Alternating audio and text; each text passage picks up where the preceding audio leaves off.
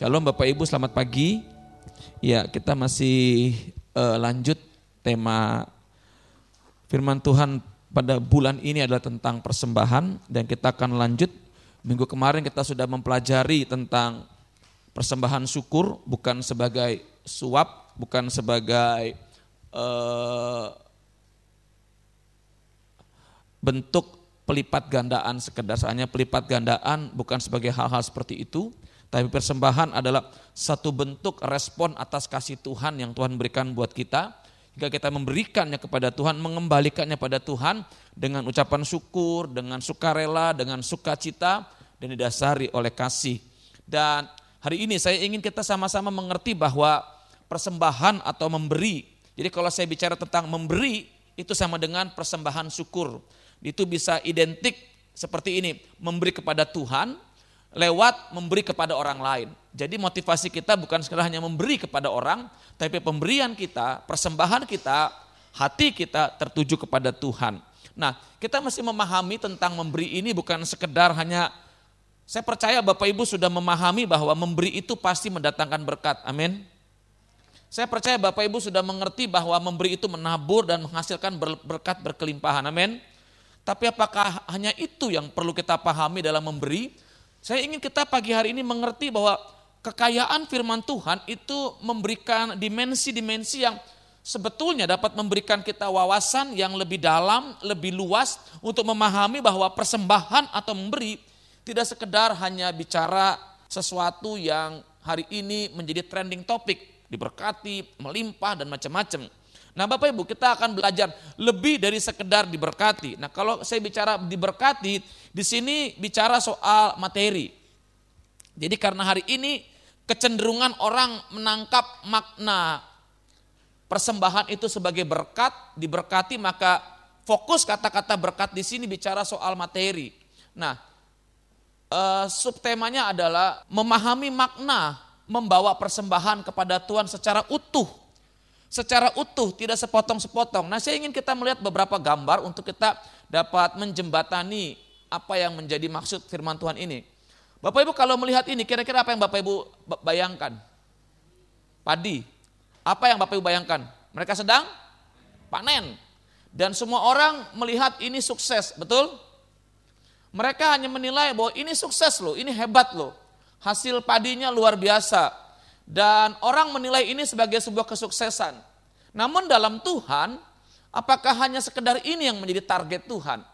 Kita mesti lihat bahwa untuk mencapai sebuah kesuksesan seperti ini tentu ada tahap dan proses yang harus dijalani dan tahap proses ini tidak diekspos. Karena kadang-kadang tidak semua orang suka dengan hal ini. Orang hanya ditekankan, wah ini berkat melimpah, padinya besar, hasilnya luar biasa.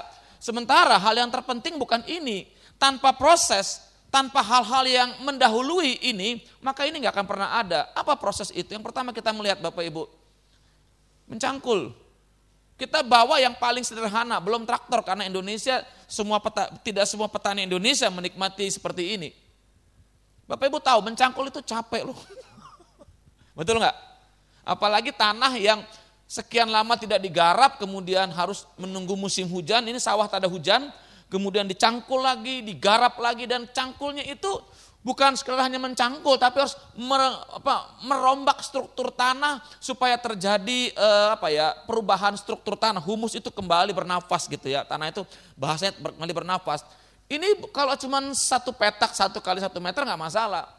Nah kalau satu hektar. Kan makin besar lahan makin besar hasil betul? Nah orang hanya lihat oh dia panen 20 ton dia panen 30 ton. Pertanyaannya adalah kalau lahannya makin besar, kira-kira makin capek enggak? Mungkin capek enggak? Nah, kita mesti lihat hal yang paling mendasar. Kemudian setelah dia mencangkul, kemudian apa yang terjadi? Dia mulai menanam bibit. Nah untungnya Indonesia ini masih penuh dengan gotong royong. Jadi kalau eh, hari ini yang ditanam bibit sawahnya Pak Riki, Pak Roni, Pak Edi bergiliran. Tapi ini juga capek loh Bapak Ibu. Enggak sembarangan nanam dia, ada yang membuat garis-garis. Ada yang menanam sambil mundur kan, enggak mungkin maju karena kalau dia makin maju makin hancur. Kalau di Israel ya maju lempar begini, tapi kalau Indonesia kan nanam gini mundur dia. Itu bayangkan orang yang enggak biasa nanam padi itu pasti encok. pasti keseleo. Karena kenapa? Bungkuk. Betul nggak?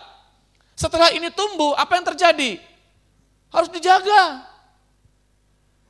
Dijaga. Ini ini agak agak modern dikasih uh, apa? Dikasih jaring. Tapi kebanyakan pakai orang-orangan sawah, krekro itu itu harus ditarik, tumpreng, tumpreng, tumpreng, tumpreng. Itu nggak boleh lengah. Karena belum lagi kalau cuman burung masih mending kalau kalau hama wereng. Kalau hama tikus. Nah, sekarang ada ada metode terbaru untuk menumpas tikus tidak perlu pakai racun, piara burung hantu.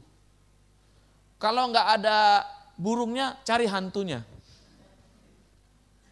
Nah, ini proses. Kalau hanya sekedar melihat ini, tentu semua orang mau. Siapa yang mau diberkati melimpah? Amin. Amin. Betul kan? Siapa yang mau kaya? Amin. Dia kutip ayat, maka menaburlah Ishak. Makin lama makin kaya. Betul, menabur. Tapi prosesnya itu menyakitkan loh Bapak Ibu. Menyakitkan loh. Dan kalau kita melihat konsep seperti ini, belum tentu semua orang akan berpikir mau, mau diberkati seperti ini. Betul? Betul nggak? Nah masalahnya adalah yang hari ini banyak diperdengarkan oleh pengajaran-pengajaran, saya nggak bilang sesat, yang sepertinya hanya menekankan hasil. Sehingga orang dalam memahami persembahan, memahami memberi kepada Tuhan, hanya menekankan ini. Itu bicara dua hal. Yang pertama dia potong kompas, yang penting aku memberi untuk kaya, untuk diberkati. Yang kedua, dia mengikuti proses. Tapi sedikit orang yang mengikuti proses bicara soal hasil, orang lebih suka yang potong kompas. Maka itu kalau gereja mau banyak duit ya khotbahkan persembahan dengan cara potong kompas. Engkau memberi, engkau diberkati. Engkau makin kaya, gini, gini, gini, gini, gini, macam-macam. Nah kita mau memahami secara utuh dan komprehensif. Supaya ketika Bapak Ibu memberi kepada Tuhan, mempersembahkan kepada Tuhan, itu berkenan bagi Tuhan. Bukan cuma egois kita yang diberkati, tapi bagaimana kita mengalami satu firman Tuhan yang bisa membentuk kita untuk tidak semakin cinta dunia, tapi semakin cinta Tuhan. Nah, saya ingin kita belajar pagi hari ini. Persembahan bukan soal diberkati, bukan hanya soal diberkati, diberkati pasti. Semua agama itu menekankan bahwa orang menabur pasti menuai. Amin. Kita nggak usah bahas di situ. Kita nggak usah tekankan di situ karena semua agama itu pasti bicara orang yang menabur pasti menuai. Dalam semua agama. Namun apa bedanya kita dengan mereka? Tentu ada dimensi yang harus kita tonjolkan bahwa ini loh kelebihan orang Kristen dalam memberi kepada Tuhan. Jangan hanya difokuskan pada hasil sehingga melupakan keseluruhan proses yang ada. Semua diawali oleh dan dari Tuhan yang sudah memberkati kita melalui segala kebaikan dan kemurahannya serta kasih setianya yang sempurna. Semua diawali dari Tuhan. Kita memberi persembahan kepada Tuhan bukan suap kepada Tuhan, bukan uang sope kepada Tuhan, bukan kita melipat gandakan seperti menaruh uang di bank kemudian berlipat ganda dan kembali besar, bukan kita memberi kepada Tuhan bukan seperti upeti bahwa nanti Tuhan marah kalau kita nggak ngasih persembahan, kita memberi kepada Tuhan karena semua diawali oleh Tuhan.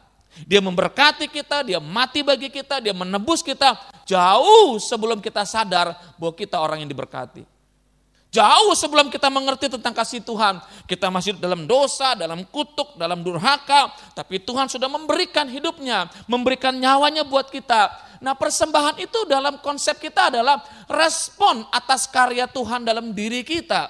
Karya itu diawali oleh karya Kristus kayu salib, kemudian dalam refleksi selanjutnya, dalam follow up selanjutnya, karya itu bicara soal bagaimana penyertaan, pimpinan, kasih Tuhan dalam setiap langkah kita berkat Tuhan. Hingga hari ini kita bisa melewati tahun kemarin, kita hari ini masih bisa ada sebagaimana kita ada. Amin. Apakah masalah selesai? Tidak akan pernah Bapak Ibu berpikir bahwa hidupku tanpa masalah. Hidup kita selalu ada masalah. Karena di situlah kita belajar ketergantungan kita pada Tuhan. Amin. Masalah selalu ada. Enggak akan ada Bapak Ibu tanpa masalah. Orang mati pun punya masalah. Bagaimana dia bisa masuk ke liang lahat. Butuh bantuan orang hidup. Itu juga masalah. Jadi jangan berpikir bunuh diri biar masalah selesai. Ya kalau buatmu masalah dunia selesai, tapi pertanggungjawaban hidup kita di hadapan hakim agung kita itu lebih berat.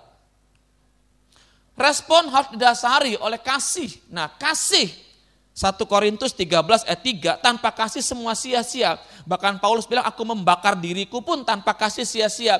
Jadi Bapak Ibu, dasar kita memberi kepada Tuhan adalah kita menerima kasih dari Tuhan, Kita memiliki kasih dan kita membalasnya lewat apa yang kita persembahkan bagi Tuhan. Bukan untuk bukan membalas dalam arti Tuhan kasih 10, kita balas 10, tidak. Kita nggak akan pernah bisa membalas cinta kasih Tuhan, tapi setidaknya ada respon sebagai ucapan terima kasih kita kepada Tuhan bahwa dia begitu luar biasa bagi kita. Amin. Nah, yang pertama, apa makna persembahan? Nah, saya akan mengutip ayat ini Bapak Ibu. Proteksi, proteksi itu perlindungan. Nah, Ayat ini sering kali didengung-dengungkan dan menjadi senjata untuk menakut-takuti jemaat. Ayat apa sih? Kita baca sama-sama itu dua tiga. Oh kurang keras Bapak Ibu. Yang yang bayar perpuluhan bayarnya uh, bacanya lebih keras. Yang belum bayar pelan-pelan. Satu dua tiga. Bawalah seluruh. Lihat, aku akan supaya jangan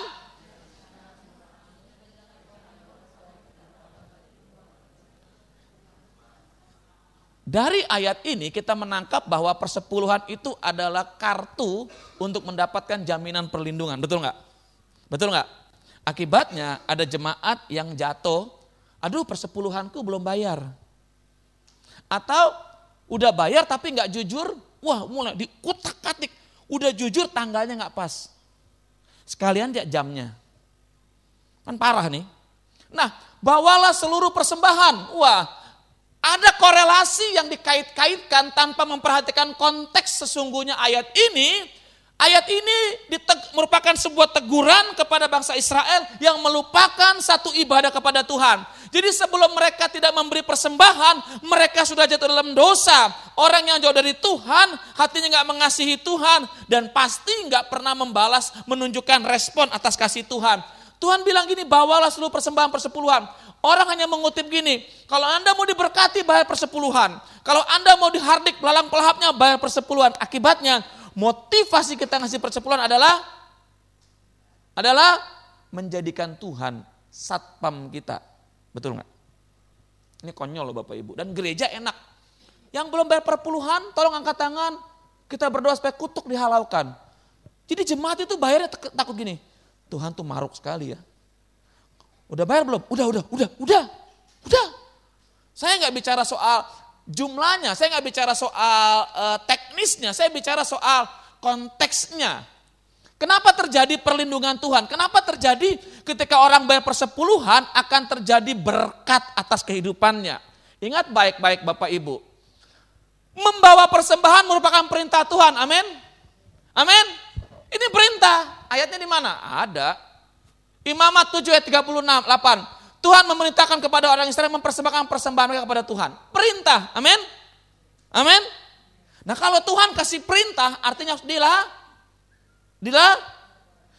Ulangan pasal 6 itu menegaskan tentang bagaimana menaati Tuhan bukan sekedar hanya melakukan, tapi dengan hati yang mengasihi, segenap hati, segenap jiwa, segenap kekuatan. Nah perintah ini tidak boleh hanya dilakukan sekedar, tapi melibatkan seluruh aspek kehidupan, karena yang Tuhan lihat bukan persembahannya, tapi kitanya yang lebih dahulu dipersembahkan kepada Tuhan. Amin. Amin. Jangan dibalik. Jangan dibalik. Saya bawa domba,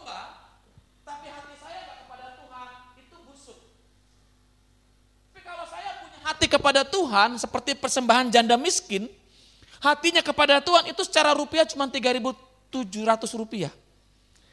Tuhan lebih melihat hati yang mengasihi Tuhan daripada bunyi kinclingan yang jatuh. Amin.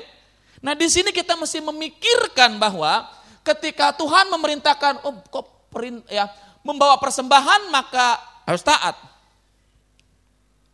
Tuh dong. Sebetulnya kita nggak usah menekankan belalang pelap diusir, diberkati. Karena jauh sebelum kitab Malayaki, jauh sebelum Malayaki hidup, ternyata ulangan 28 ayat 1 sampai 14 itu sudah menekankan hal ini. Boleh Bu Reren baca? Jika engkau baik-baik mendengarkan suara Tuhan Allahmu dan melakukan dengan setia segala perintahnya yang kusampaikan kepadamu pada hari ini, maka Tuhan Allahmu akan mengangkat engkau di atas segala bangsa di bumi Segala berkat ini akan datang kepadamu dan menjadi bagianmu. Jika engkau mendengarkan suara Tuhan Allahmu, diberkatilah engkau di kota dan diberkatilah engkau di ladang. Diberkatilah buah kandunganmu, hasil bumimu, dan hasil ternakmu, yakni anak lembu sapimu dan kandungan kambing dombamu. Diberkatilah bakulmu dan tempat adonanmu. Diberkatilah engkau pada waktu masuk, dan diberkatilah engkau pada waktu keluar. Tuhan akan membiarkan musuhmu yang maju berperang melawan engkau terpukul kalah olehmu. Bersatu jalan mereka akan menyerang engkau, tetapi bertujuh jalan mereka akan lari dari depanmu. Tuhan akan memerintahkan berkat ke atasmu di dalam lumbungmu dan di dalam segala usahamu. Ia akan memberkati engkau di negeri yang diberikan kepadamu oleh Tuhan Allahmu. Tuhan akan menetapkan engkau sebagai umatnya yang kudus, seperti yang dijanjikannya dengan sumpah kepadamu jika engkau berpegang pada perintah Tuhan Allahmu dan hidup menurut jalan yang ditunjukkannya. Maka segala bangsa di bumi akan melihat bahwa nama Tuhan telah disebut atasmu dan mereka akan takut kepadamu. Juga Tuhan akan melimpahi engkau dengan kebaikan dalam buah kandungmu, dalam hasil ternakmu, dan dalam hasil bumimu, di tanah yang dijanjikan Tuhan dengan sumpah kepada nenek moyangmu untuk memberikannya kepadamu. Tuhan akan membuka bagimu perbendaharaannya yang melimpah, yakni langit untuk memberi hujan bagi tanahmu pada masanya dan memberkati segala pekerjaanmu, sehingga engkau memberi pinjaman kepada banyak bangsa, tetapi engkau sendiri tidak meminta pinjaman. Tuhan akan mengangkat engkau menjadi kepala dan bukan menjadi ekor. Engkau akan tetap naik dan bukan turun. Apabila engkau mendengarkan perintah Tuhan Allahmu yang kusampaikan pada hari ini, kau lakukan dengan setia. Dan apabila engkau tidak menyimpang ke kanan atau ke kiri dari segala perintah yang kuberikan kepadamu pada hari ini dengan mengikuti Allah lain dan beribadah kepadanya. Terima kasih. Jadi jelas Bapak Ibu, kita nggak boleh menjual firman ini hanya menekankan berkat. Sebetulnya Maleakhi 3.10 ini nggak bisa dipisahkan dari janji Tuhan pada awal mereka masuk tanah kanaan. Amin. Nah Tuhan udah janji loh. Dia udah janji dengan jelas bahwa segala perbendaharaan, segala pintu langit akan dibukakan buat umatnya kalau dia taat. Masalahnya adalah orang menekankan di sini. Orang nggak lihat bahwa kenapa sampai Tuhan seperti itu. Karena Israel nggak taat. Baca ayat selanjutnya. Kalau mereka nggak taat, mereka kena kutuk. Mereka menghadapi banyak hambatan. Nah penekanannya hanya di sini. Bayar perpuluhan diberkati. You mesti ngerti bahwa sebelum kau membayar persepuluhan, you mesti mengasihi Tuhan dengan segenap hatimu, segenap jiwamu, segenap akal budimu. Amin. Kita nggak boleh hanya menekankan berkatnya. Itu udah pasti diberkati loh. Tuhan nggak mungkin me, apa, meng, me, apa, memungkiri apa yang dijanjikannya. Cuman masih seimbang, jangan cuma kita tekankan akan diberikan, dilimpahkan. Enggak Bapak Ibu, itu sudah dinyatakan Tuhan itu jauh pada zaman Musa. Dan Tuhan menekankan bahwa ketaatan karena kasih dalam kesempurnaan ke, ke keutuhan hati, itu yang menjadi dasar Tuhan untuk melihat ini loh, jadi bukan sekedar hanya bicara berkat, berkat, berkat. Saya kadang-kadang kaget juga Bapak Ibu, orang hanya menekankan Waduh saya belum bayar perpuluhan nanti dikutuk Tuhan. Enggak Bapak Ibu. Kalau kau ngasih persepuluhan tapi kau ngomel sama Tuhan. Ya sekedar hanya tercatat namamu tapi di hadapan Tuhan kau juga belum melaksanakan kewajibanmu. Karena Tuhan lebih pentingkan hatimu daripada uangmu. Amin. Tapi kalau hatimu buat Tuhan pasti segalanya buat Tuhan juga. Amin. Jangan dibalik. Nah ini ini lihat ayat uh, ulangan pasal 6 ayat 4. Dengarlah hai orang Israel, Tuhan itu Allah kita. Tuhan itu Esa. Lihat, Kasihilah Tuhan Allahmu dengan segenap hatimu dan dengan segenap jiwamu dan dengan segenap akal budimu. Ini merupakan satu tekanan bahwa sebelum melakukan firman Tuhan, kasih lebih dahulu. Harus jadi dasar. Jadi jangan bilang ini Taurat itu hanya formalitas. Iya itu terjadi karena orang Israel terjebak pada sebuah formalitas. Yang penting saya ibadah, yang penting saya memberi. Tuhan inginkan lebih dari itu. Itu kelebihan kita dibandingkan yang lain. Tuhan gak menilai, maaf kata, dari amal ibadah kita Tuhan menilai dari hati kita yang mengasihi dia dengan sungguh. Amin. Kalau hanya amal ibadah, hari ini kalau Bapak Ibu mati, kalau nggak dikasih duit, nggak dikasih berkat, nggak, di, dikasih macam-macam, susah kita bawa ke Tuhan duit atau enggak? Susah, tapi kalau kita anak Tuhan, kita sudah mengasihi Tuhan, kita miskin, kita kaya di dunia nggak masalah. Jadi, jadi kita mesti mengerti bahwa proteksi ini merupakan satu dampak dari ketaatan akan firman. Oh, kalau gitu saya gak kasih persepuluhan om. Kalau kau mengasihi Tuhan, kau belajar mengembalikan berkat Tuhan. Tuhan gak minta semua atau minta sepersepuluh, itu kau pelit. Gak usah ngomong, aku mengasihi engkau Yesus. No, no, no, no. Saya mengasihi istri saya, istri saya mengasihi saya, maka dompet dia menjadi dompet saya. Tapi enggak, kadang-kadang ada ada pameo. Nanti kau tahu, Dik.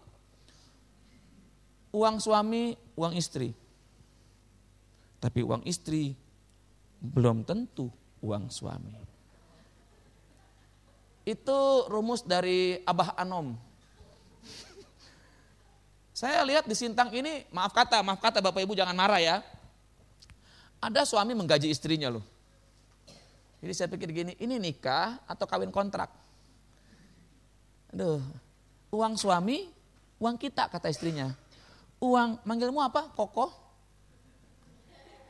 Atau beb? Jangan bab loh, bab buang air besar loh, beb.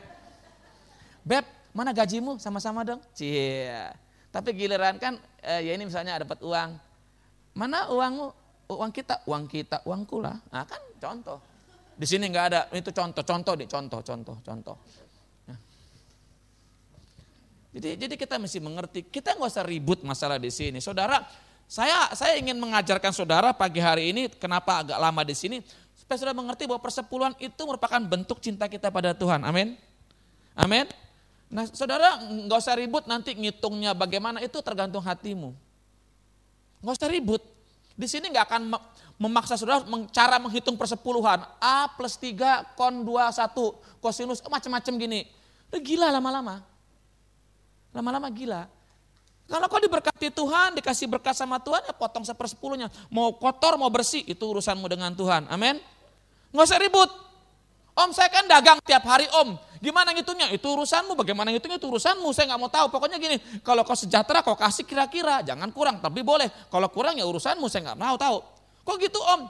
Kejujuran di hadapan Tuhan itu yang lebih penting daripada uang besar yang kau bawa, tapi penuh dengan tipuan. Wah om jahat ya? Enggak, saya juga harus melakukan ini semua. Agak sulit, tapi inilah firman Tuhan. Tuhan menjamin bahwa ketaatan dalam Melakukan firmannya termasuk dalam membawa persembahan akan membawa kita untuk mengalami segala penggenapan janji Tuhan. Baik secara jasmani ataupun rohani. Tadi Tuhan katakan musuh menyerang, satu jalan, kabur rame-rame lewat tujuh jalan. Musuh aja bisa Tuhan hajar, apalagi belalang. Ngerti nggak? Kita sibuk menafsirkan belalang pelahap, belalang pengeriap, belalang pelompat, belalang hitam, belalang tempur, macam-macam kita khotbahkan itu. Musuh aja Tuhan halau, apalagi belalang. Susah amat buat Tuhan turunkan langit. Tuhan maaf kata, suruh satu malaikat perang bersin aja, itu belalang pergi semua. Kenapa belalang di Kalimantan Barat susah? Orang aja dimakan. belalang susah amat. Kemarin saya ketemu dengan ibu dokter, dia bilang gini, Pak waktu pertama saya diutus ke Kalimantan Barat, orang bilang gini, nanti kau dimakan, nanti kau gini, gini, gini, gini, gini, gini. Sampai hari ini, Bapak Ibu ada yang pernah dimakan orang? Ada? Justru hanya di sini semua hewan ngeri ketemu orang. Kalau di Riau yang namanya babi hutan itu lewat tanpa izin. Misi ya. Di sini lu lewat mati kau. Saya pernah kena sawah lagi lagi mandi di sungai tiba-tiba rusa salah salah salah turun masuk sungai itu satu kampung keluar. Rusa aus jauh keluar keluar kejar semua. Itu rusa sial banget. Pernah lagi ngajar sekolah Alkitab, lagi ngajar gitu tiba-tiba ular saya pikir kabur, ular itu udah masuk liang, ditarik, dipukul gini. Saya bilang gini, kasihan kok ular. Maka itu, nyiroroki dulu gak balik ke sini. Mati dia, dikena lantak. Jadi jaminan inilah yang menjadi cara Tuhan melindungi kita dalam kehidupan ini. Mazmur 91, orang yang duduk dalam lindungan yang maha tinggi, hatinya melekat, lindungi Tuhan. Enggak usah kita, kita gini loh, jangan karena kita kita kasih persepuluhan, kita klaim, enggak usah. Kalau kita taat, kita mengasihi Tuhan. Persepuluhan itu bukan perdebatan. Persepuluhan bukan jadi sesuatu komoditi untuk kita perdebatkan, saling menyalahkan. Kalau kita mengasihi Tuhan, seluruh hidup kita buat Tuhan. Amin. Amin. Kalau seluruh hidup buat Tuhan, Tuhan gampang lindungin kita. Amin. Jadi kita nggak usah ribut Bapak Ibu. Kenapa sih kita ribut? Wah jadi jadi konyol. Jadi seakan-akan Tuhan tuh seperti hmm, orang yang begitu bengis. Sebelum doa, Tuhan bilang gini, Bayar perpuluhan nggak? Udah, masuk ruang hadiratku. Kan parah itu. Itu itu menista darah Kristus yang membayar hidup kita bukan karena persepuluhan kita, tapi karena dia mengasihi kita. Amin. Nah, selanjutnya yang kedua, apa? Berkat dalam arti lebih daripada diberkati. Tidak akan membuat kita berkekurangan dan miskin. Nggak pernah ada orang Kristen yang rajin memberi tiba-tiba miskin. Ngapa om? Ngemis di, di itu, aku bah rajin memberi. Nggak mungkin. Kasihan ya om sama tante yang apa? Ngemis. Tante bawa ember, om bawa kaleng. Seren gimana? Ngamen. Olin, Olin belepetan aja ya. Iren, Iren bendahara menghitung audit keuangan. Nggak pernah Bapak Ibu. Apa ayatnya? Saya ingin kita lihat di sini. Ini ayat bagus sekali. Baca sama-sama yuk, tuh dua tiga.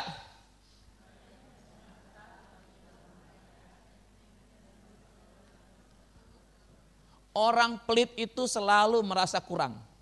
Karena itu dia nggak pernah ngasih. Betul nggak? Betul nggak? Orang pelit itu selalu merasa kurang. Karena dia nggak, maka itu dia nggak pernah ngasih. Dia pikir kalau saya ngasih gini berkurang. Tapi orang yang merasa diberkati, dia nggak mikir kurang atau enggak, karena dia merasa sudah cukup.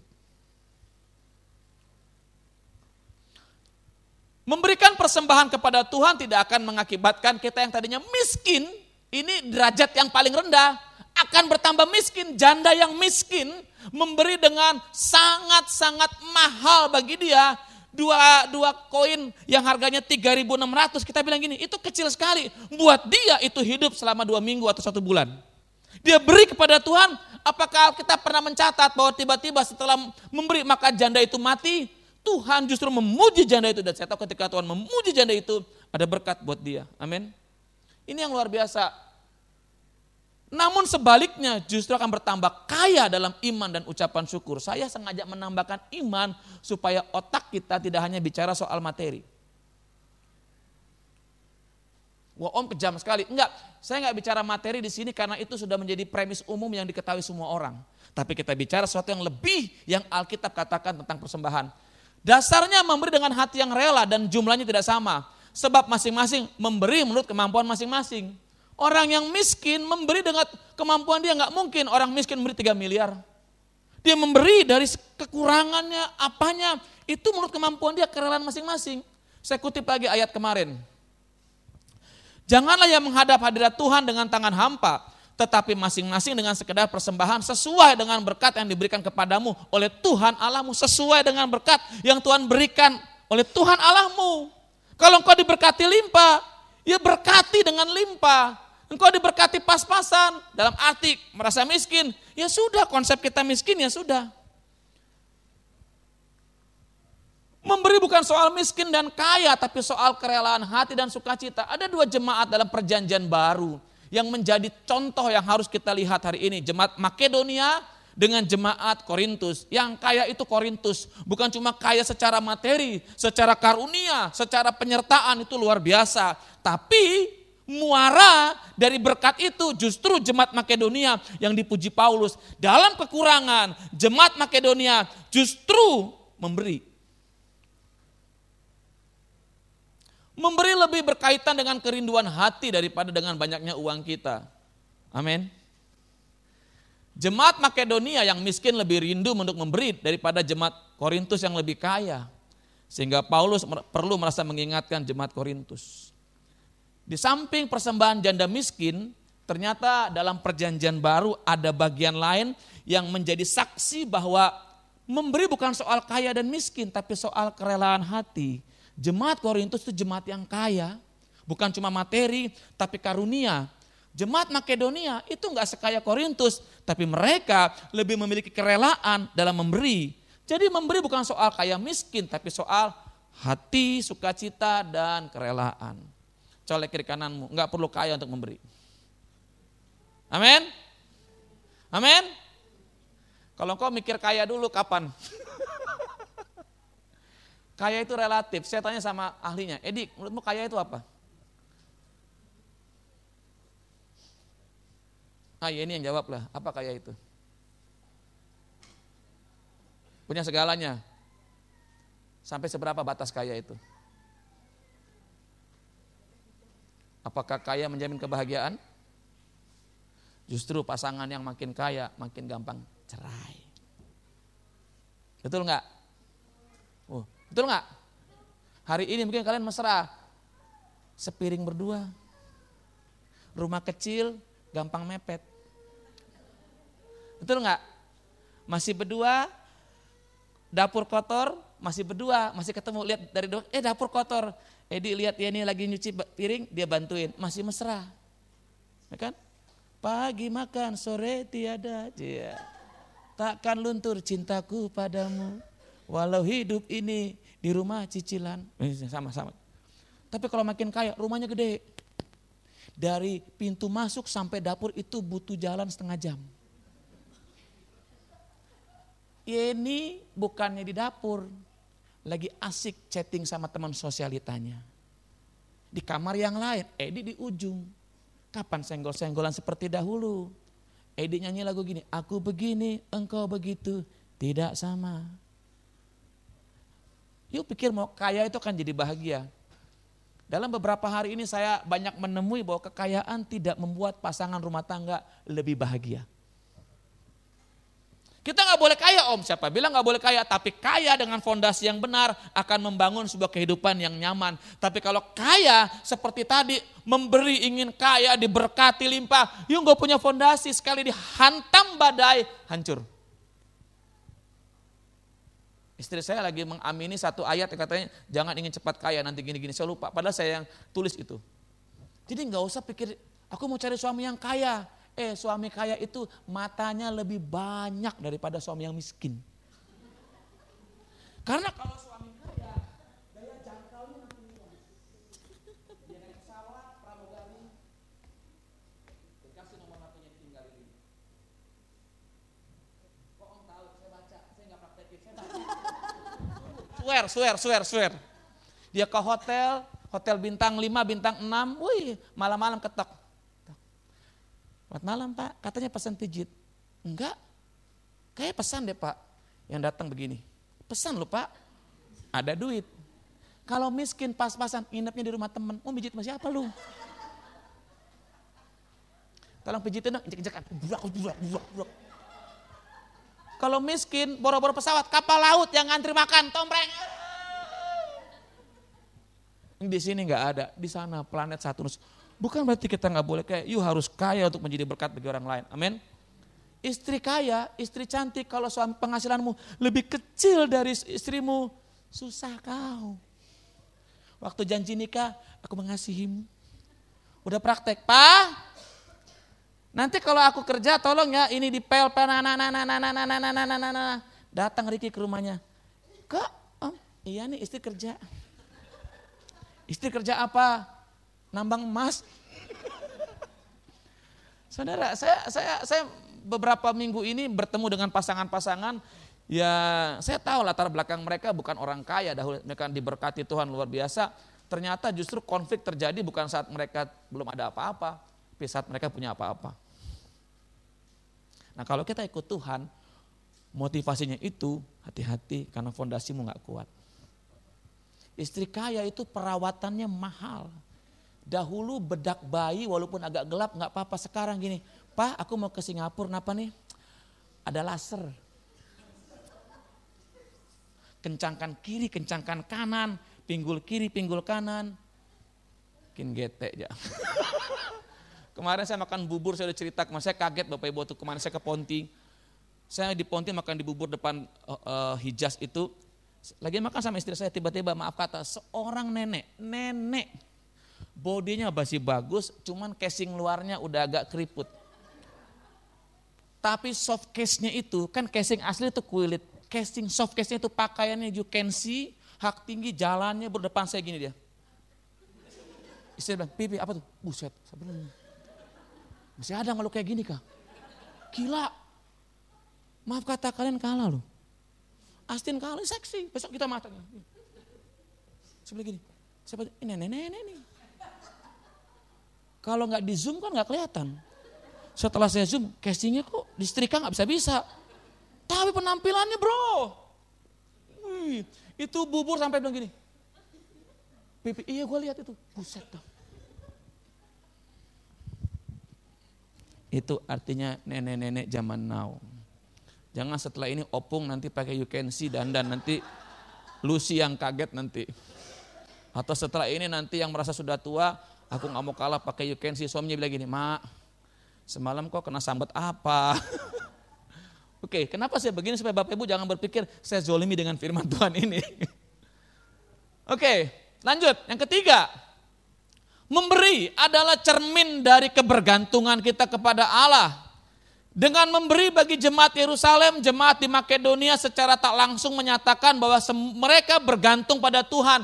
Mereka bukan jemaat kaya, tapi mereka memberi dan mereka tahu saat mereka memberi, mereka ke depan, hari besok, gereja seperti apa, mereka tahu mereka bergantung penuh pada Tuhan. Amin. Gereja bukan perusahaan. Kalau gereja perusahaan maka harus ada gaji yang jelas, struktur yang jelas. Pendeta boleh libur, pendeta prakteknya antara jam jam 8 sampai jam 5 sore. Setelah itu mau jemaat mati, jemaat sekarat, masuk rumah sakit. Bukan jam kerjaku. Oh, betul dong? Betul nggak Ricky? Kamu om absen datang, cekrek. Si Lydia, om ada yang sakit om, udah rumah sakit. Eh jam berapa? Jam 4 lewat 5. Oh maaf jam jam kerjaku jam 4 pas. Nggak bisa sesuai gaji. Kemarin saya ketemu dengan ibu dokter, dia bilang gini, Pak, kita tuh perawat itu walaupun Sabtu libur, tetap kita jaga. Kenapa? Karena ada orang datang, kita nggak mungkin udah sekarang lagi. Kenapa Bu? Sakit ya? Tunggu Senin ya. Kenapa? Ini jam libur. Dokternya libur, saya pun libur. Pas Senin mati, kok udah mati? Kenapa nggak nunggu? Bapak nih nggak sabar aja. Dikepret kok sama malaikat. ya kita kan kadang-kadang bertemu dengan orang-orang yang harus gini, gini, gini, gini, gini, gini, gini. Ini gereja bro. Di mana keuangan bisa keluar tanpa harus rapat pengurus, rapat pengurus karena ada jemaat mati, jemaat sakit, rumah sakit, rapat dahulu dua jam. Jemaat udah tet, tet, tet, tet. Keputusan kami, kami akan sumbang kepada ibu. Terlambat pak, suami sudah mati. Syukurlah GBI menganut episkopos, episkopal sinodal karena keputusan di gembala. Kalau punya, maaf kata, kalau punya majelis harus keluarkan rapat ini, ini sulit diminta ampun. Sulit. Bukan saya bilang salah, cuma dengan dengan struktur seperti ini gereja lebih gampang untuk bergerak. Nah, dengan memberi kita mengakui bahwa segala sesuatu yang ada pada kita sebenarnya adalah milik Allah. Dengan memberi kita belajar untuk melepaskan ketergantungan kita kepada materi dan kepada diri sendiri. Serta membuat kita belajar untuk bergantung kepada Allah.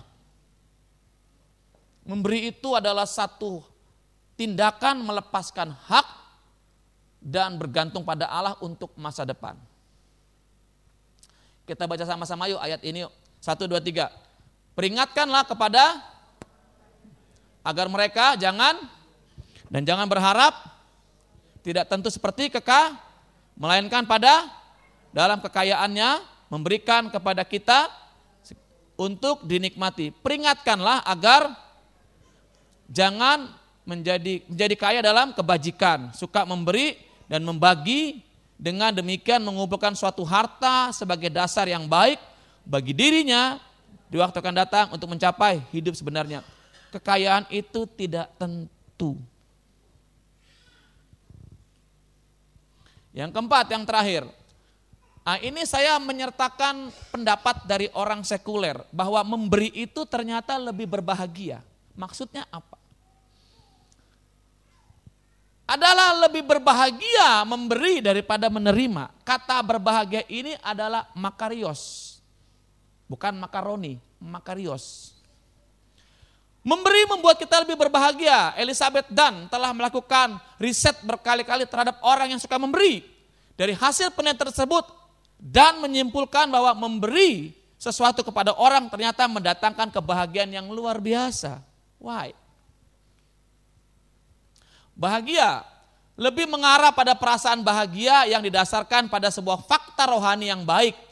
Makarios adalah titik temu antara perasaan bahagia secara psikologis dengan fakta rohani. Jadi makarios adalah kebahagiaan karena kita menyadari kita mentaati firman Tuhan. Amin. Amin. Kebahagiaan dalam memberi adalah wujud dari rasa syukur serta ketaatan yang dilandasi kerelaan dan kasih. Inilah yang menjadikan kita merasakan kebahagiaan. Berbahagialah orang-orang yang hidupnya tidak bercela yang hidup menurut Taurat Tuhan. Jadi kebahagiaan itu adalah bukan sekedar kebahagiaan dalam arti secara materi, Justru saat kita memberi, dokter pun mengiyakan bahwa orang yang memberi itu lebih berbahagia. Jauh sebelum dokter ngomong, Tuhan sudah bilang. Ini sesuatu hal yang luar biasa yang Bapak Ibu kalau cari bahagia, yuk belajar murah hati sama orang lain. Karena kalau orang yang terima pemberianmu pasti mendoakan kau. Amin. Amin. Riki ngasih saya duit 10 juta contoh. Saya bilang gini, makasih Riki ya Tuhan berkati kamu. Ucapan itu doa bagi Riki. Tapi kalau saya bilang gini, pelit, udah kaya, pelit, makan belalang pelahap ya kau. Mampus ya kau usahamu. Bisa gitu loh. Bisa loh. Ngerti nggak? Kalau kita memberi orang tuh ucap syukur pada kita. Makasih ya, makasih ya.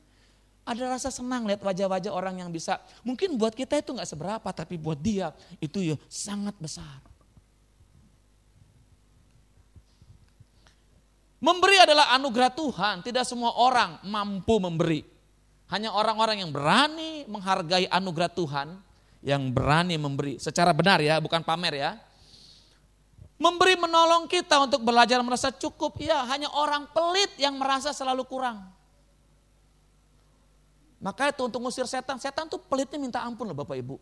Pelit, Alkitab nggak pernah bilang setan tuh ngasih gratis, setan itu memberi dengan kasih karunia. Setan tuh selalu memberi dengan imbal balik. Maka itu untuk ngusir setan nggak perlu Bapak Ibu tengking rame-rame. Kasih kantong kolekte. Lu tengking, wah setan bilang, gua gak takut. Lu gak punya iman. Eh, ada satu yang kau takuti. Apa? Kantong kolekte dengan tulisan persepuluhan. ah, kenapa? Setan nggak pernah mau ngasih. Saya nggak bilang bapak ibu yang pelit itu setan ya, hati-hati nanti bilang, uh, om tuh merasa enggak. Kalau merasa ya itu urusan, tapi saya nggak pernah bilang. Saat kita memberi, maka saat itu juga kita sudah menerima. Apa yang kita terima? Limpahan ucapan syukur, Tuhan terima kasih, terima kasih, terima kasih. Diperkaya dalam kemurahan hati, pelipat gandaan serta pertumbuhan buah-buah kebenaran. Ayat ini bagus sekali Bapak Ibu. Baca sama-sama yuk, yang keras yuk, turun tiga. Iya, ia juga akan dalam kamu akan dalam segala macam yang membangkitkan syukur kepada Allah oleh karena kami. Ini bahagia loh. Ini survei-survei terbaru nih, ada ada data terbaru. Memberi membuat orang tambah sehat. Siapa di sini yang mau sehat? Boleh angkat tangan? Yang nggak angkat tangan pasti mau cepat-cepat. Kalau begini aja semua ngerti.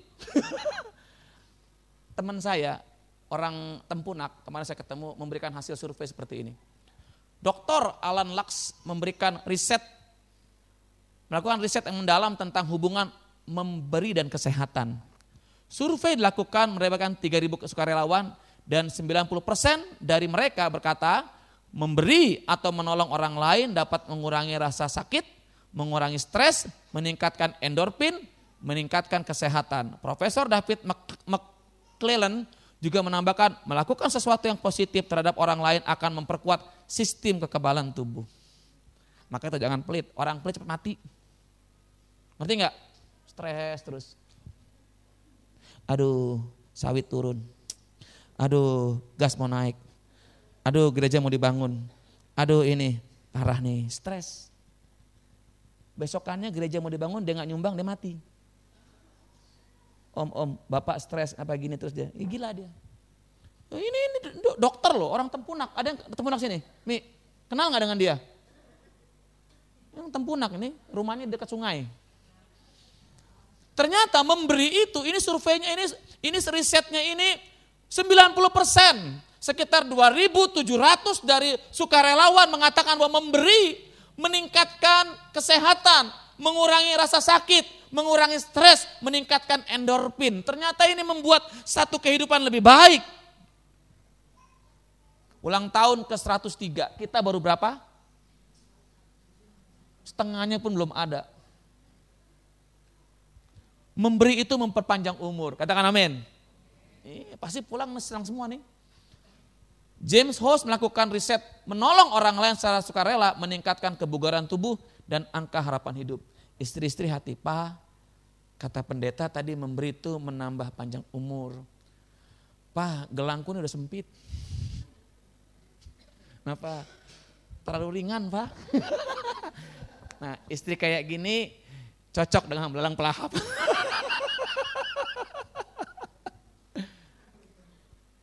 Kesimpulannya Bapak Ibu, mari kita lihat. Pemahaman tentang memberi membawa persembahan kepada Tuhan dan memberi jangan hanya ditekankan pada hasilnya hingga hal tersebut dapat menjadikan kita memiliki konsep dan motivasi yang salah dalam memberi. Saya katakan tadi memberi itu bukan sekedar hanya bicara berkat, tapi lebih daripada berkat materi, kita bisa sehat, kita bisa panjang umur, kita bisa memiliki kasih pada Tuhan, kita bisa memiliki hal-hal yang lebih daripada materi. Membawa persembahan atau memberi adalah salah satu adalah satu kesatuan antara respon yang didasari oleh rasa syukur dan tindakan yang didasari oleh kasih dan kerelaan serta sukacita. Jadi bukan cuma respon tapi juga tindakan nyata ini didasari oleh rasa syukur, kasih dan sukacita. Hal-hal yang harus kita tahu bahwa dalam memberi persembahan kepada Tuhan kita akan mendapati mengalami ini jadi kita nggak usah tekankan oh, balang pelahapnya diusir enggak. Kita tekankan bahwa dengan ketaatan memberi pada Tuhan, kita ada dalam lindungan, kasih, dan jaminan mengalami segala kebaikan kemurahan Tuhan. Tidak menjadikan kita miskin, bahkan sebaliknya kita akan makin diperkaya dalam iman dan ucapan syukur. Cermin dari ketergantungan kita kepada Tuhan. Orang memberi itu nggak merasa miskin, orang memberi itu merasa dia punya sesuatu untuk dia bagikan. Dan orang seperti ini akan makin kaya dalam iman, karena ketika dia memberi, dia mendapatkan satu slot dari Tuhan. Kau menabur dengan benar, kau mengasihi orang lain, maka kau makin dekat dengan Tuhan. Orang yang dekat dengan Tuhan mendapatkan apa yang menjadi janji Tuhan. Yang terakhir, menjadikan kita lebih bahagia, membawa kita pada kehidupan yang diberkati secara menyeluruh panjang umur, sukacita, damai sejahtera, nggak bergantung pada materi. Jadi kalau hari ini kita hanya memikirkan sesuatu tentang materi saat kita memberi kepada Tuhan, ketahuilah ada berkat-berkat yang lebih daripada materi yang bisa kita bisa terima saat kita mau persembahan bagi Tuhan. Pertanyaannya adalah bukan seberapa mengertinya kita akan firman ini, bukan seberapa pahamnya kita, tapi seberapa mau kita melakukannya mulai hari ini. Kita bangkit berdiri bersama-sama. Thank you.